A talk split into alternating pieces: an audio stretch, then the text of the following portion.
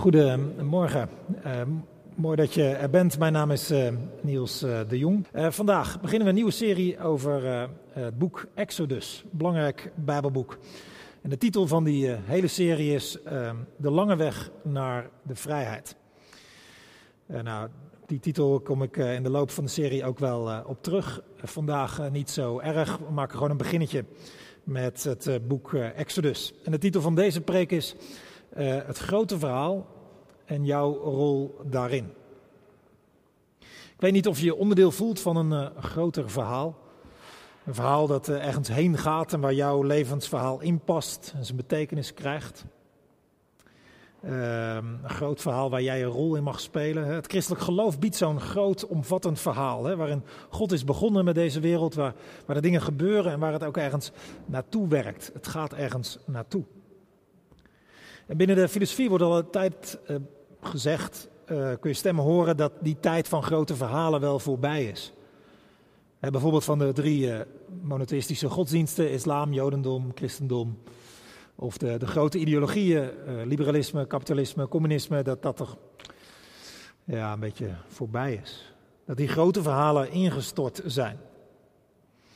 En voor veel mensen hebben die ideologieën of godsdiensten ook afgedaan.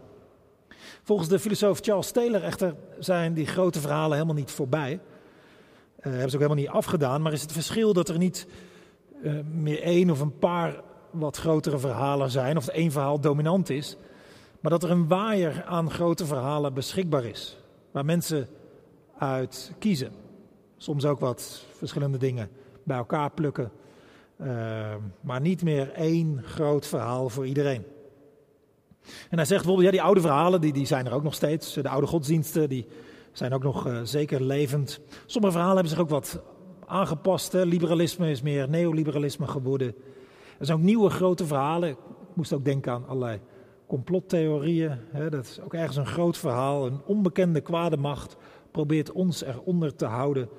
Uh, monddood te maken en van ons slaafse mensen te maken. En ons zo in een bepaalde richting te duwen. Uh, maar goed, je hebt ook nog allerlei andere grote verhalen. Bijvoorbeeld van het eigen volk eerst, of de eigen groep eerst, of dat die bijzonderder is. Of... Veel van zulke verhalen hebben ook wel wat nihilistische inslag, met je sombere uh, verhaallijn, om zo maar eens te zeggen.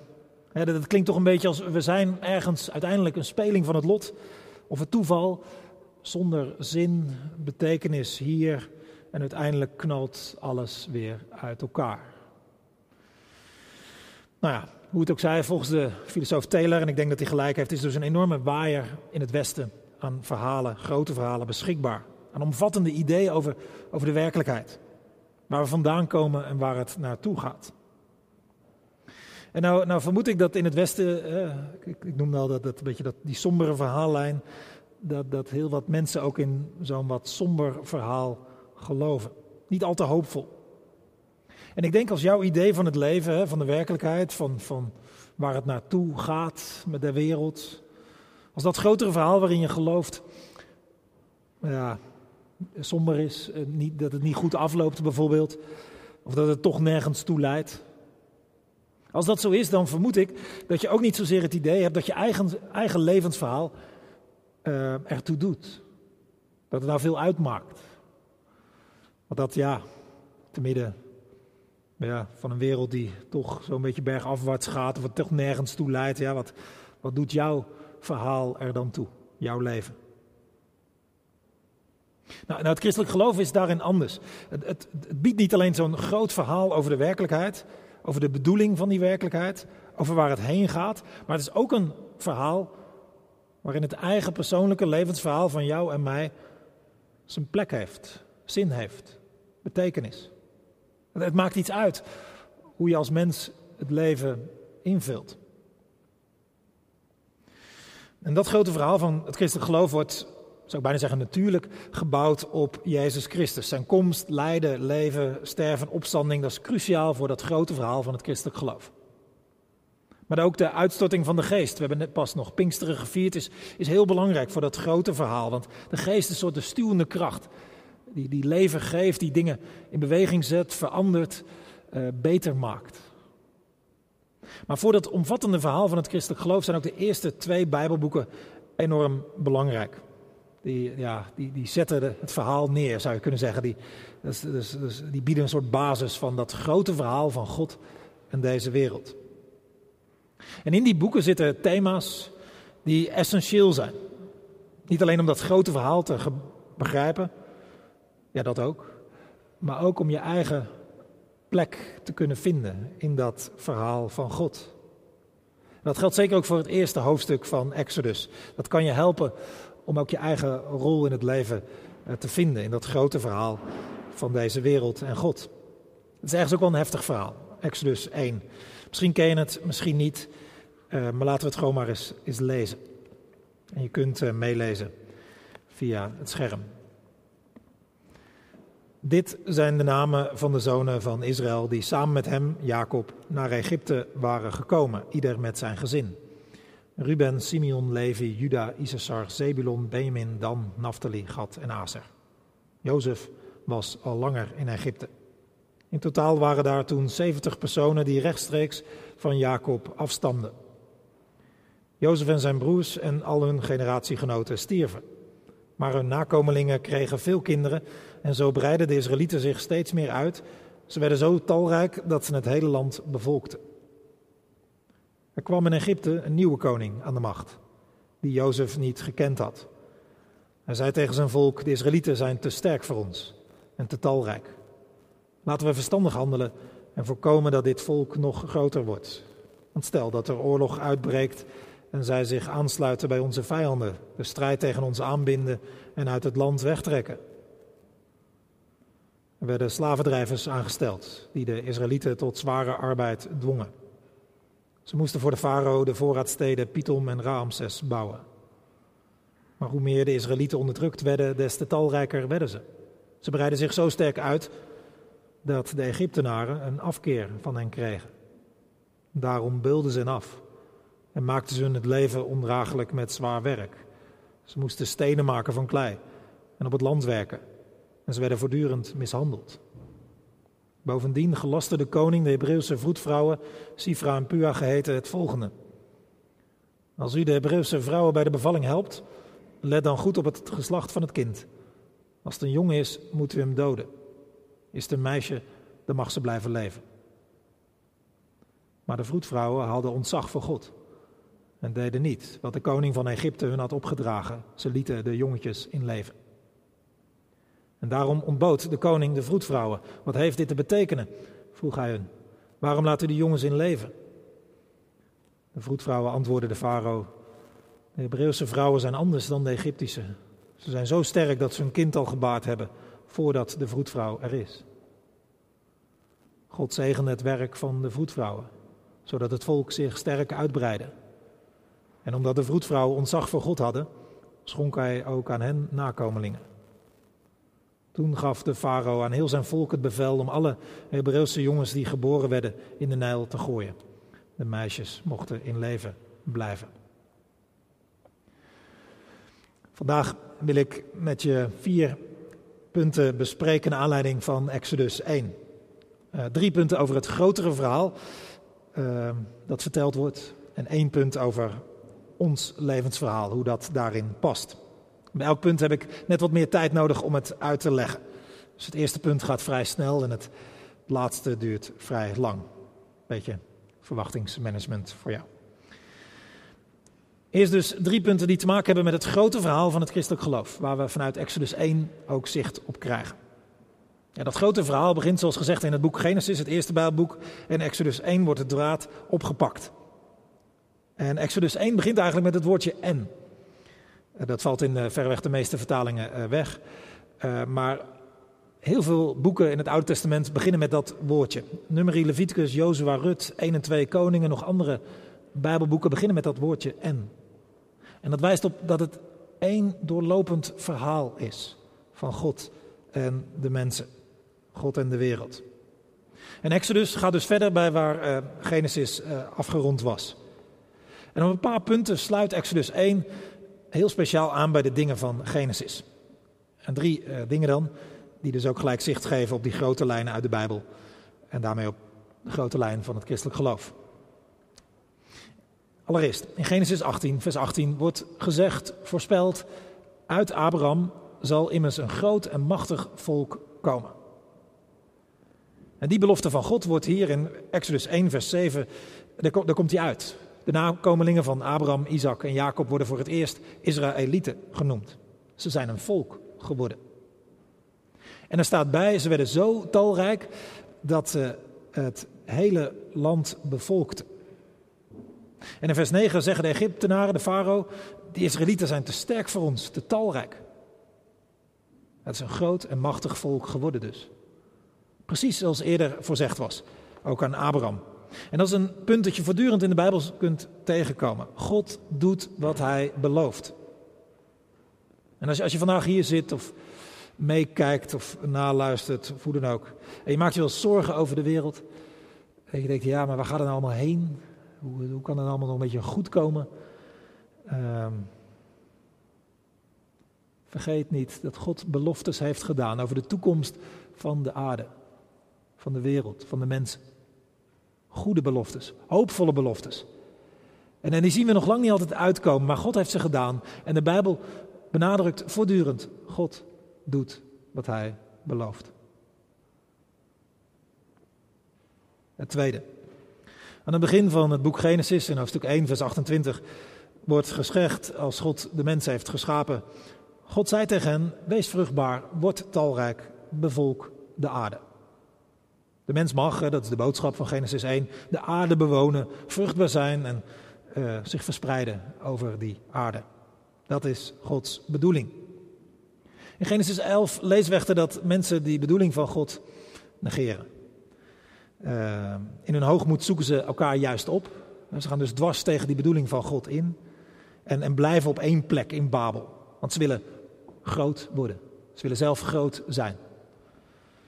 Nou ja, dat, dat gaat mis. Uh, maar hier in Exodus 1 komt toch uit wat God bedoeld had. Er wordt namelijk eh, gezegd over dat volk Israël, hè, daar komt die bedoeling wel uit. Ze bevolkten het hele land. Ze werden talrijk. En God zegende hen, zodat ze zich sterk uitbreiden. God zit hierachter. Die laat die bedoelingen die hij had met, met de mensen hier in het volk Israël uitkomen. God herinnert zich zijn plannen. Zijn intenties, die, die blijven intact. En, en als mensen van het begin geen gehoor geven aan zijn bedoelingen, aan zijn plannen, dan, dan, dan laat hij op een andere manier ze alsnog uitkomen. Op een ander moment. Ook dat is een heel belangrijk punt, de hele Bijbel door. God vergeet zijn intenties niet. God zet zijn goede plannen door, linksom of rechtsom. Zijn verhaal met deze wereld is, is niet uit als, als mensen niet meewerken of er een potje van maken of het was tegen ingaat. En, en als je wel eens twijfelt je denkt, ja, zoveel mensen gaan in tegen wat God bedacht had. Zoveel mensen maken er een bende van. En, en zou, zou God het niet onderhand eens opgeven of de, het allemaal wegvagen of zo? Of, en, en dat, God, dat koninkrijk van God en dat, je ziet er soms ook zo weinig van. Komt er nog wat van? Van Gods bedoelingen? Mocht dat wel eens door je hoofd schieten? Nee. Nee, dat kan, kan, lang, kan lang duren. Bij God duurt het soms heel lang. Maar God zet zijn plannen door. Zijn intenties veranderen niet.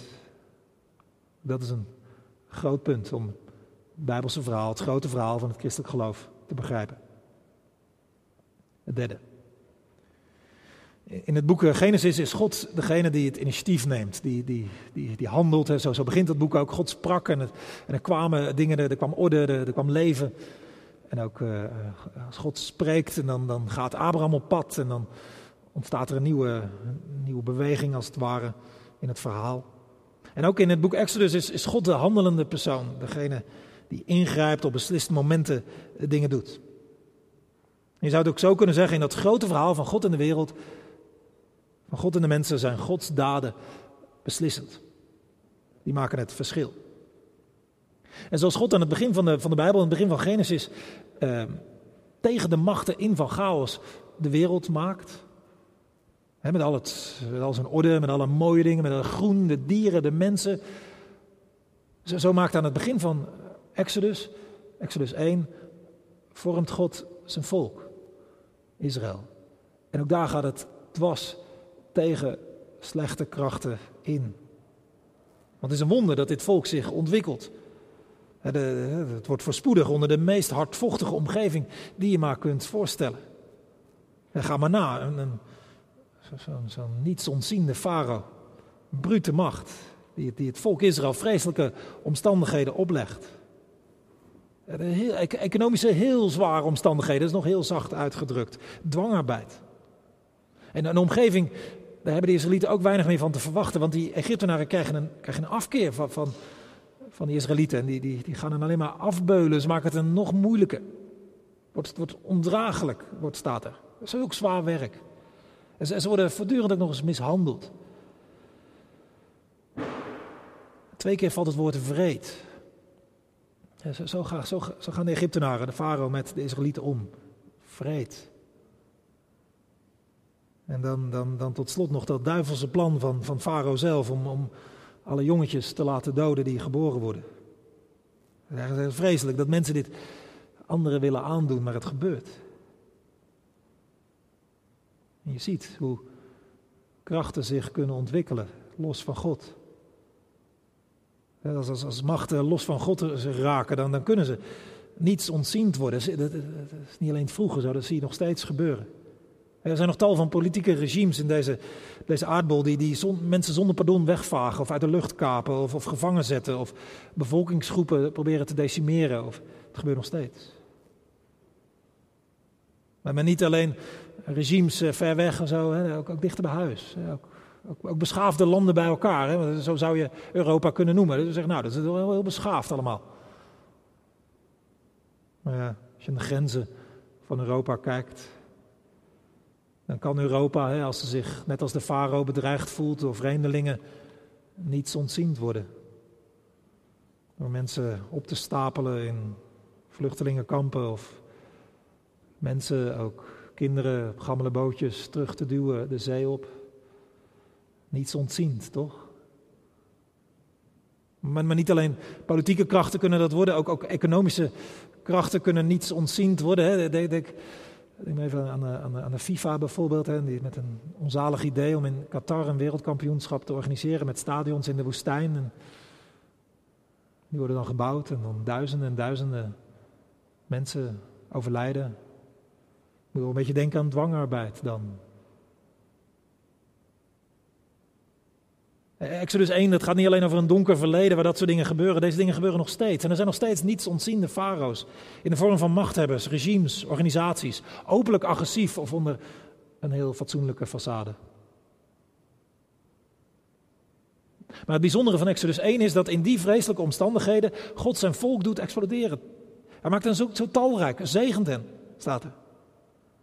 Ze, ze zijn als, als, als zo'n zo palmboom die, die, die, die, een kleine palmboom die een steen op zich gelegd krijgt. En die dan alleen maar sterker wordt daardoor. Die alleen maar meer kracht krijgt en, en harder groeit en sterker wordt. Zo, zoiets gebeurt hier met het volk Israël. En, en dat is een punt dat je ook, ja, dus van meet af aan in de Bijbel tegenkomt, maar ook vaker herhaald wordt. God zegent, maar wel vaak door dwars, dwars door moeilijke dingen heen. Eh, wij denken bij zegen vaak aan ja, een windje mee, zonnetje bij, graad of twintig. Straks als je naar buiten loopt, hè, dat, dat is zegen. Maar God denkt bij zegen aan, aan vrucht. Aan goede dingen die, die voortkomen. En die goede dingen, die komen vaak dwars door moeilijke tijden heen. Misschien zit je nu ook wel in een lastig pakket. Weet je wat lijden is? Of sta, staat je gevoel, je leven helemaal stil of op zijn kop juist? Of gaat het alleen maar slechter in je zaak of in je, je familie of thuis of met je financiën? Het hoeft geen teken te zijn dat God je niet aan het zegenen is. Of je niet zou willen zegenen. Nee. Nee, God zegent vaak niet op de manier waarop wij een gedachte hadden of op het moment dat we dat vinden passen. Nee, God is ook niet degene die, die altijd alles maar in één keer oplost weer, nee. Maar als je bij God hoort, dan mag je weten dat hij dwars door moeilijke dingen heen je wil zegenen. Goede dingen wil laten voortkomen uit jou. via jou. Even samenvatten tot nog toe. Drie kenmerkende dingen over God in zijn verhaal dat hij bij deze wereld en mensen gaat. God doet wat hij belooft. Gods intenties veranderen niet, maar hij zet zijn plannen door, linksom of rechtsom. Ook als mensen niet lijken mee te werken. En drie, God zegent zijn mensen. Vaak ook dwars door moeite heen. Om vrucht te dragen. En deze drie kenmerkende dingen zie je trouwens ook terug in, in Jezus. Hij is de vervulling van de belofte die God deed. God had beloofd iemand te sturen die zou redden. Jezus kwam.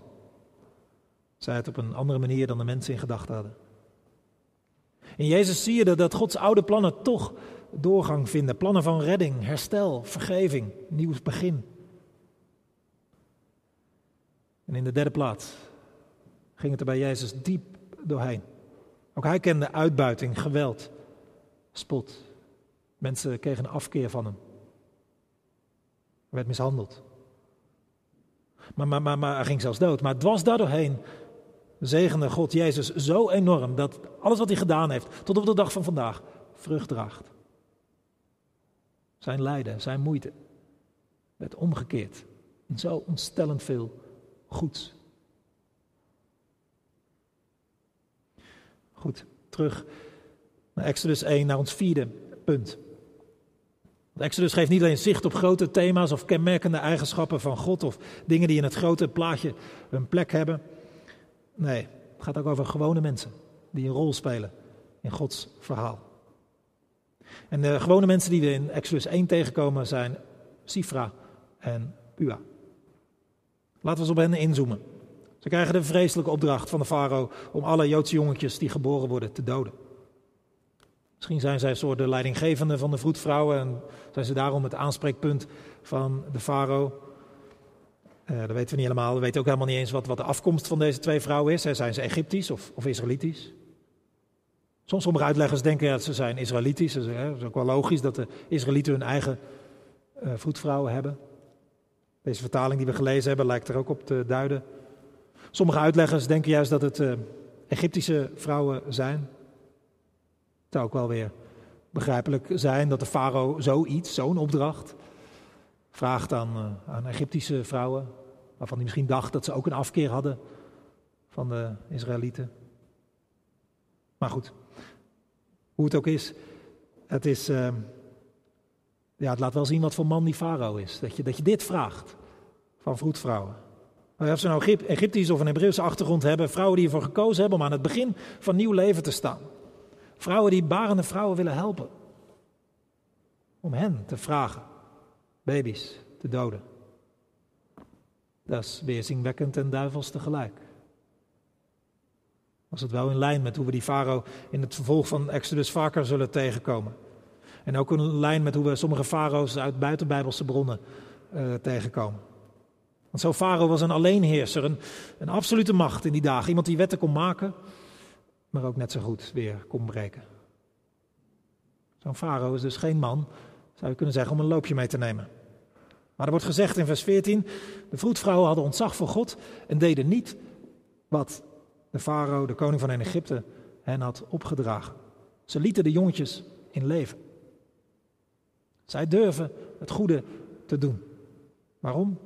Nou, dat staat erbij omdat ze ontzag voor God hebben.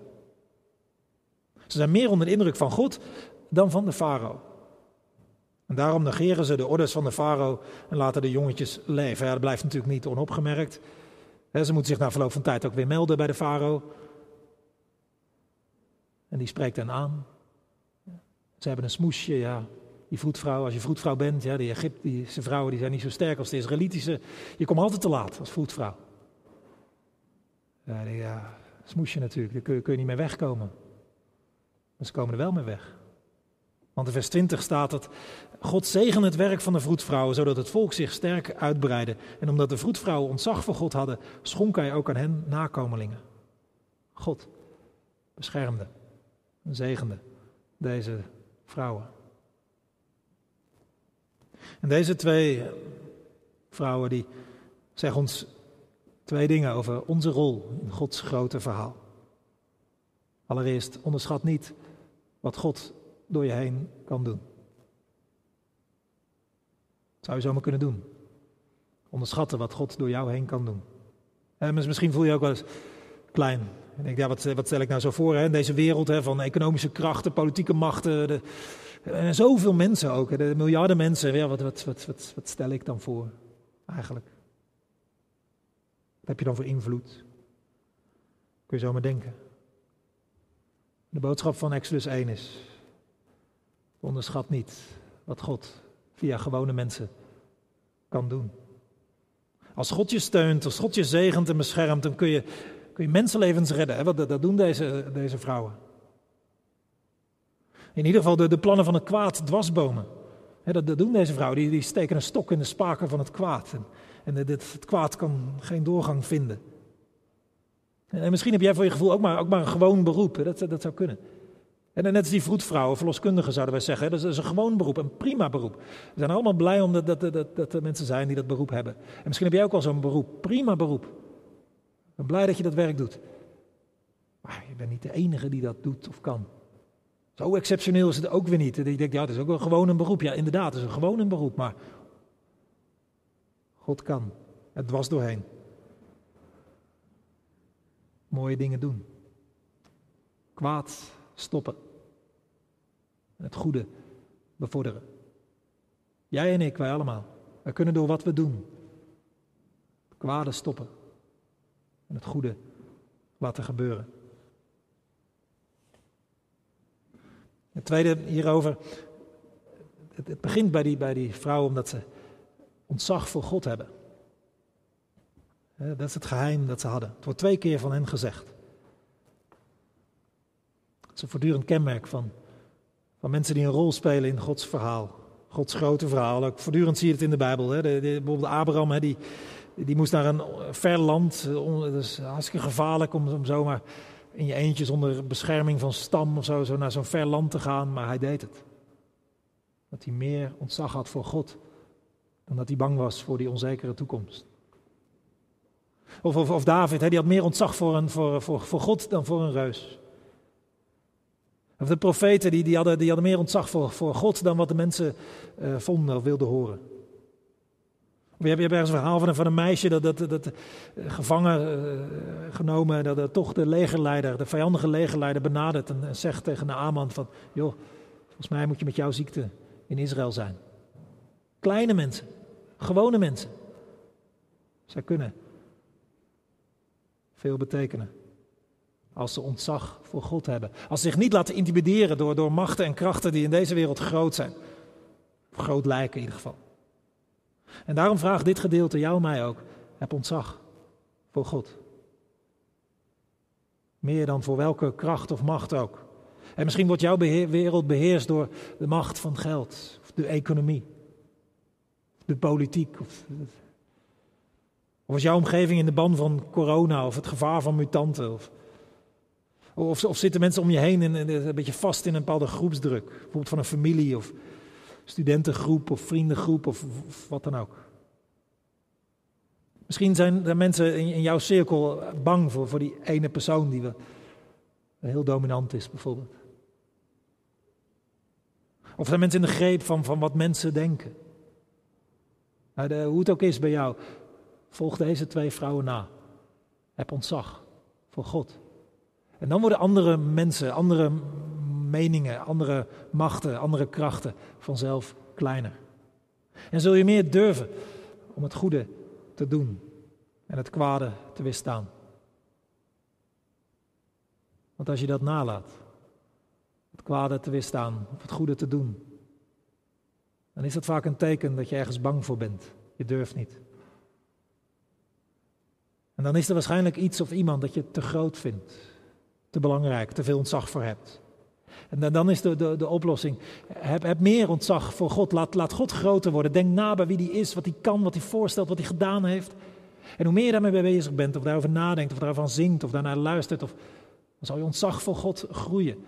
En je zult meer durven. Je zult meer goed doen. Meer kwaad weerstaan. En vergeet nooit, God steunt je dan. Hij laat je er niet alleen voor staan dan, nee, hij steunt je. En dat deed hij bij deze vrouwen ook. Hij steunde en zo is God. Die laat je niet zitten. En zo ging het ook, sluit ik mee af, zo ging het ook bij Jezus. Jezus had meer ontzag voor God dan voor de menigte.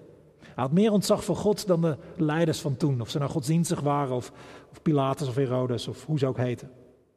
Hij had meer ontzag voor God dan voor de machten van het kwaad. Hij had meer ontzag voor God dan dat hij bang was voor de dood. En daarom deed hij het juiste. Net als die vroedvrouwen, om mensen te redden. Om de wereld te redden, om jou en mij te redden. Voor dat werk werd Jezus in eerste instantie trouwens niet door God beschermd, maar overgeleverd aan de duivelse krachten, aan de dood zelf. Hij stierf. Hij ging ten onder. Maar God greep in. Het was daardoorheen. Haalde God hem er doorheen. Liet hem opstaan uit de dood. Om voor altijd tot zegen te zijn. Voor jou en mij. Voor ons allemaal. En ook voor de generaties die komen. Amen. We luisteren naar een eh, lied dat ergens ook een gebed is. En misschien kun je dat uh, al luisterend ook uh, mee bidden.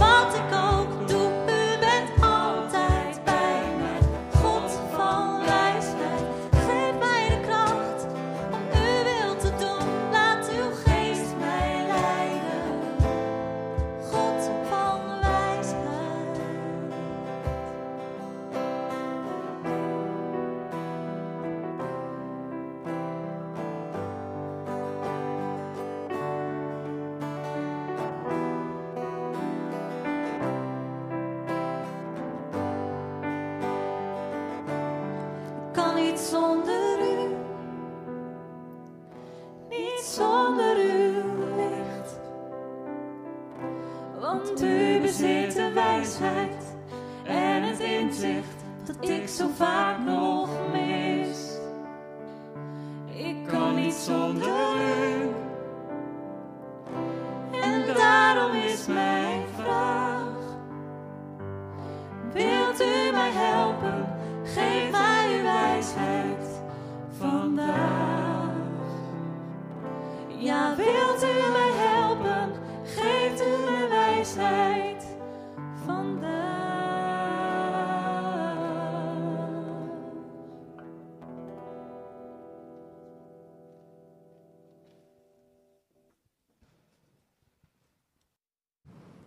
Laten we bidden.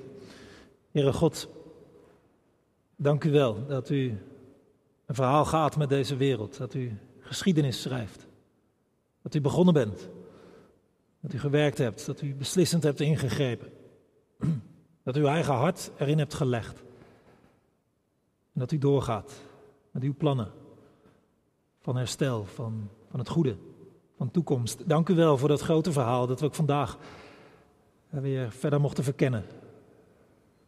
Zo'n mooi verhaal.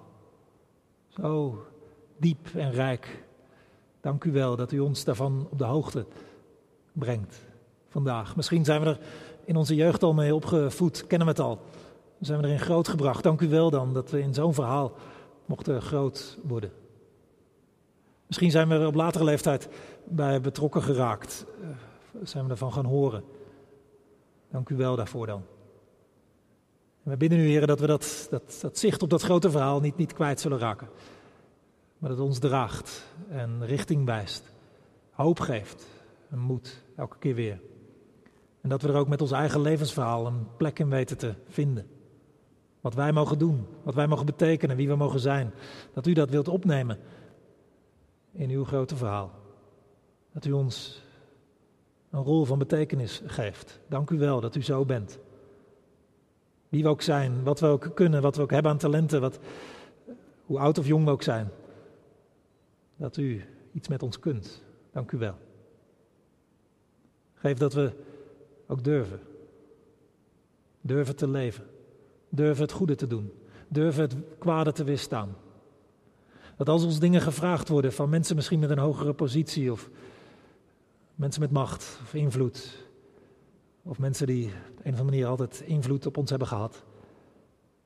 Als die dingen vragen die niet goed zijn, dat we ze dan zullen weerstaan.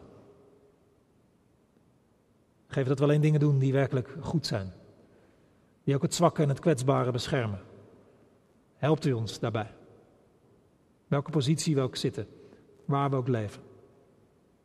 Schakel ons in en geef ons meer en meer ook zicht op wat we kunnen doen, wat we mogen betekenen. Ook van dag tot dag. Geef ons daar wijsheid voor, inzicht, kracht, moed. Al die dingen die we nodig hebben, waar we net om baden. Geef het ons, elke keer weer. En wij bidden nu ook voor hen die wel heel lastige situaties zitten. Die misschien heel erg herkennen dat, dat, ze, dat, ze, dat ze klem zitten. Dat, ze, dat het neer lijkt te gaan. Dat u hen op, opzoeken en bemoedigen. Dat u dwars daardoorheen iets van plan bent, iets goeds. Wij bidden u voor deze wereld, voor die mensen, die groepen, die bevolkingsgroepen die wel heel naar omstandigheden zitten. Die, die dwangarbeid kennen. Slavernij, geweld, of uitbuiting, of mishandeling. Ontfermt u zich. Geef vrijheid. Wilt u werken, wilt u mensen geven die, die, die, die, die gaan helpen, die gaan redden dingen anders maken. Wij bidden nu voor, voor mensen die omwille van hun geloof misschien ook wel in strafkampen zitten of werkkampen. Ontfermt u zich. En zegent u hen, dat was daardoorheen. Zo bidden we ook voor uh, ons in deze stad, voor allen die, die in een lastig pakket zitten, die misschien ook wel mishandeld worden of uh, die, die voelen dat, dat hun omgeving een hekel aan heeft of die afgebeuld worden of zichzelf afbeulen. Geef vrijheid. Geef herstel. We bidden nu voor elkaar. Met, eh, danken we met, met Lucas en Damaris mee dat ze een zoontje hebben gekregen. Dank u wel daarvoor. Zegen hen. Ga met hen mee. Met hen drieën. Ook de komende tijd. En met eh, alle familie en vrienden die eromheen staan. Zo bidden we voor alle, alle mensen die iets goeds, iets moois meemaken. Die, voor wie het nu even wel min mee is. Wees u bij hen. En gaat u met hem mee. Maar ook voor hen die het lastig hebben, die het moeilijk hebben. Ook dan, blijf erbij. Steun, bescherm, zegen. Zo komen we tot u en willen u ook ehm, bidden, danken voor de dingen die een ander niet voor ons benoemen kan. Daarom komen we in stilte tot u.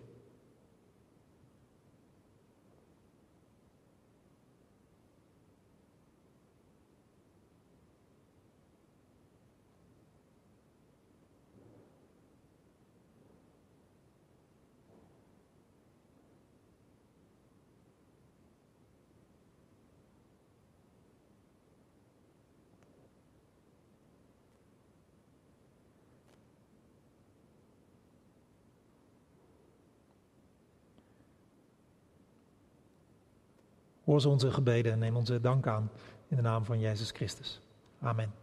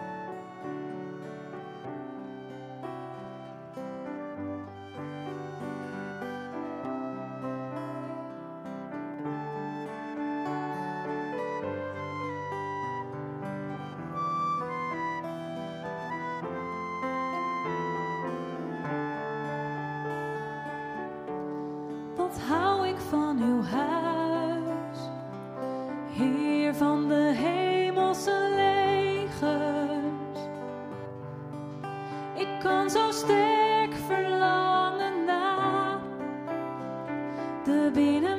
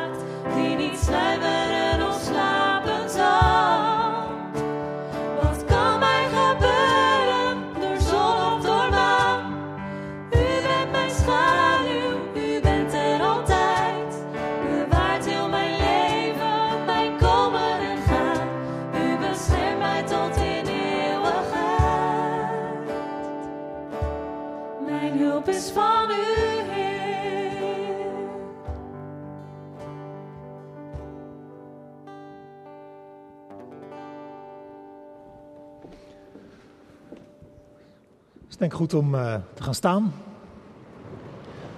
Dat mag wel eh, in deze tijden. Ehm, straks eh, is verzoek om eh, achter in eh, de kerk te verlaten. Een beetje, laten beginnen met de achterste rijen en dan zo een beetje op ge- gepaste afstand zo de kerk verlaten. Ehm, maar voordat we dat doen, wie je ook bent, hoe je hier ook bent of thuis erbij zit of misschien ook wel staat, ga in ieder geval niet zonder de zegen van de Heer. De Heer zij voor je om je de weg te wijzen. De Heer zij naast je, met je mee te gaan van stap tot stap. De Heer zij onder je om je op te vangen als je struikelt. Rondom je om je te beschermen tegen de boze. In je om je te troosten en boven je om je te zegenen. En zo zegenen de Heer vandaag, morgen en voor altijd. Amen.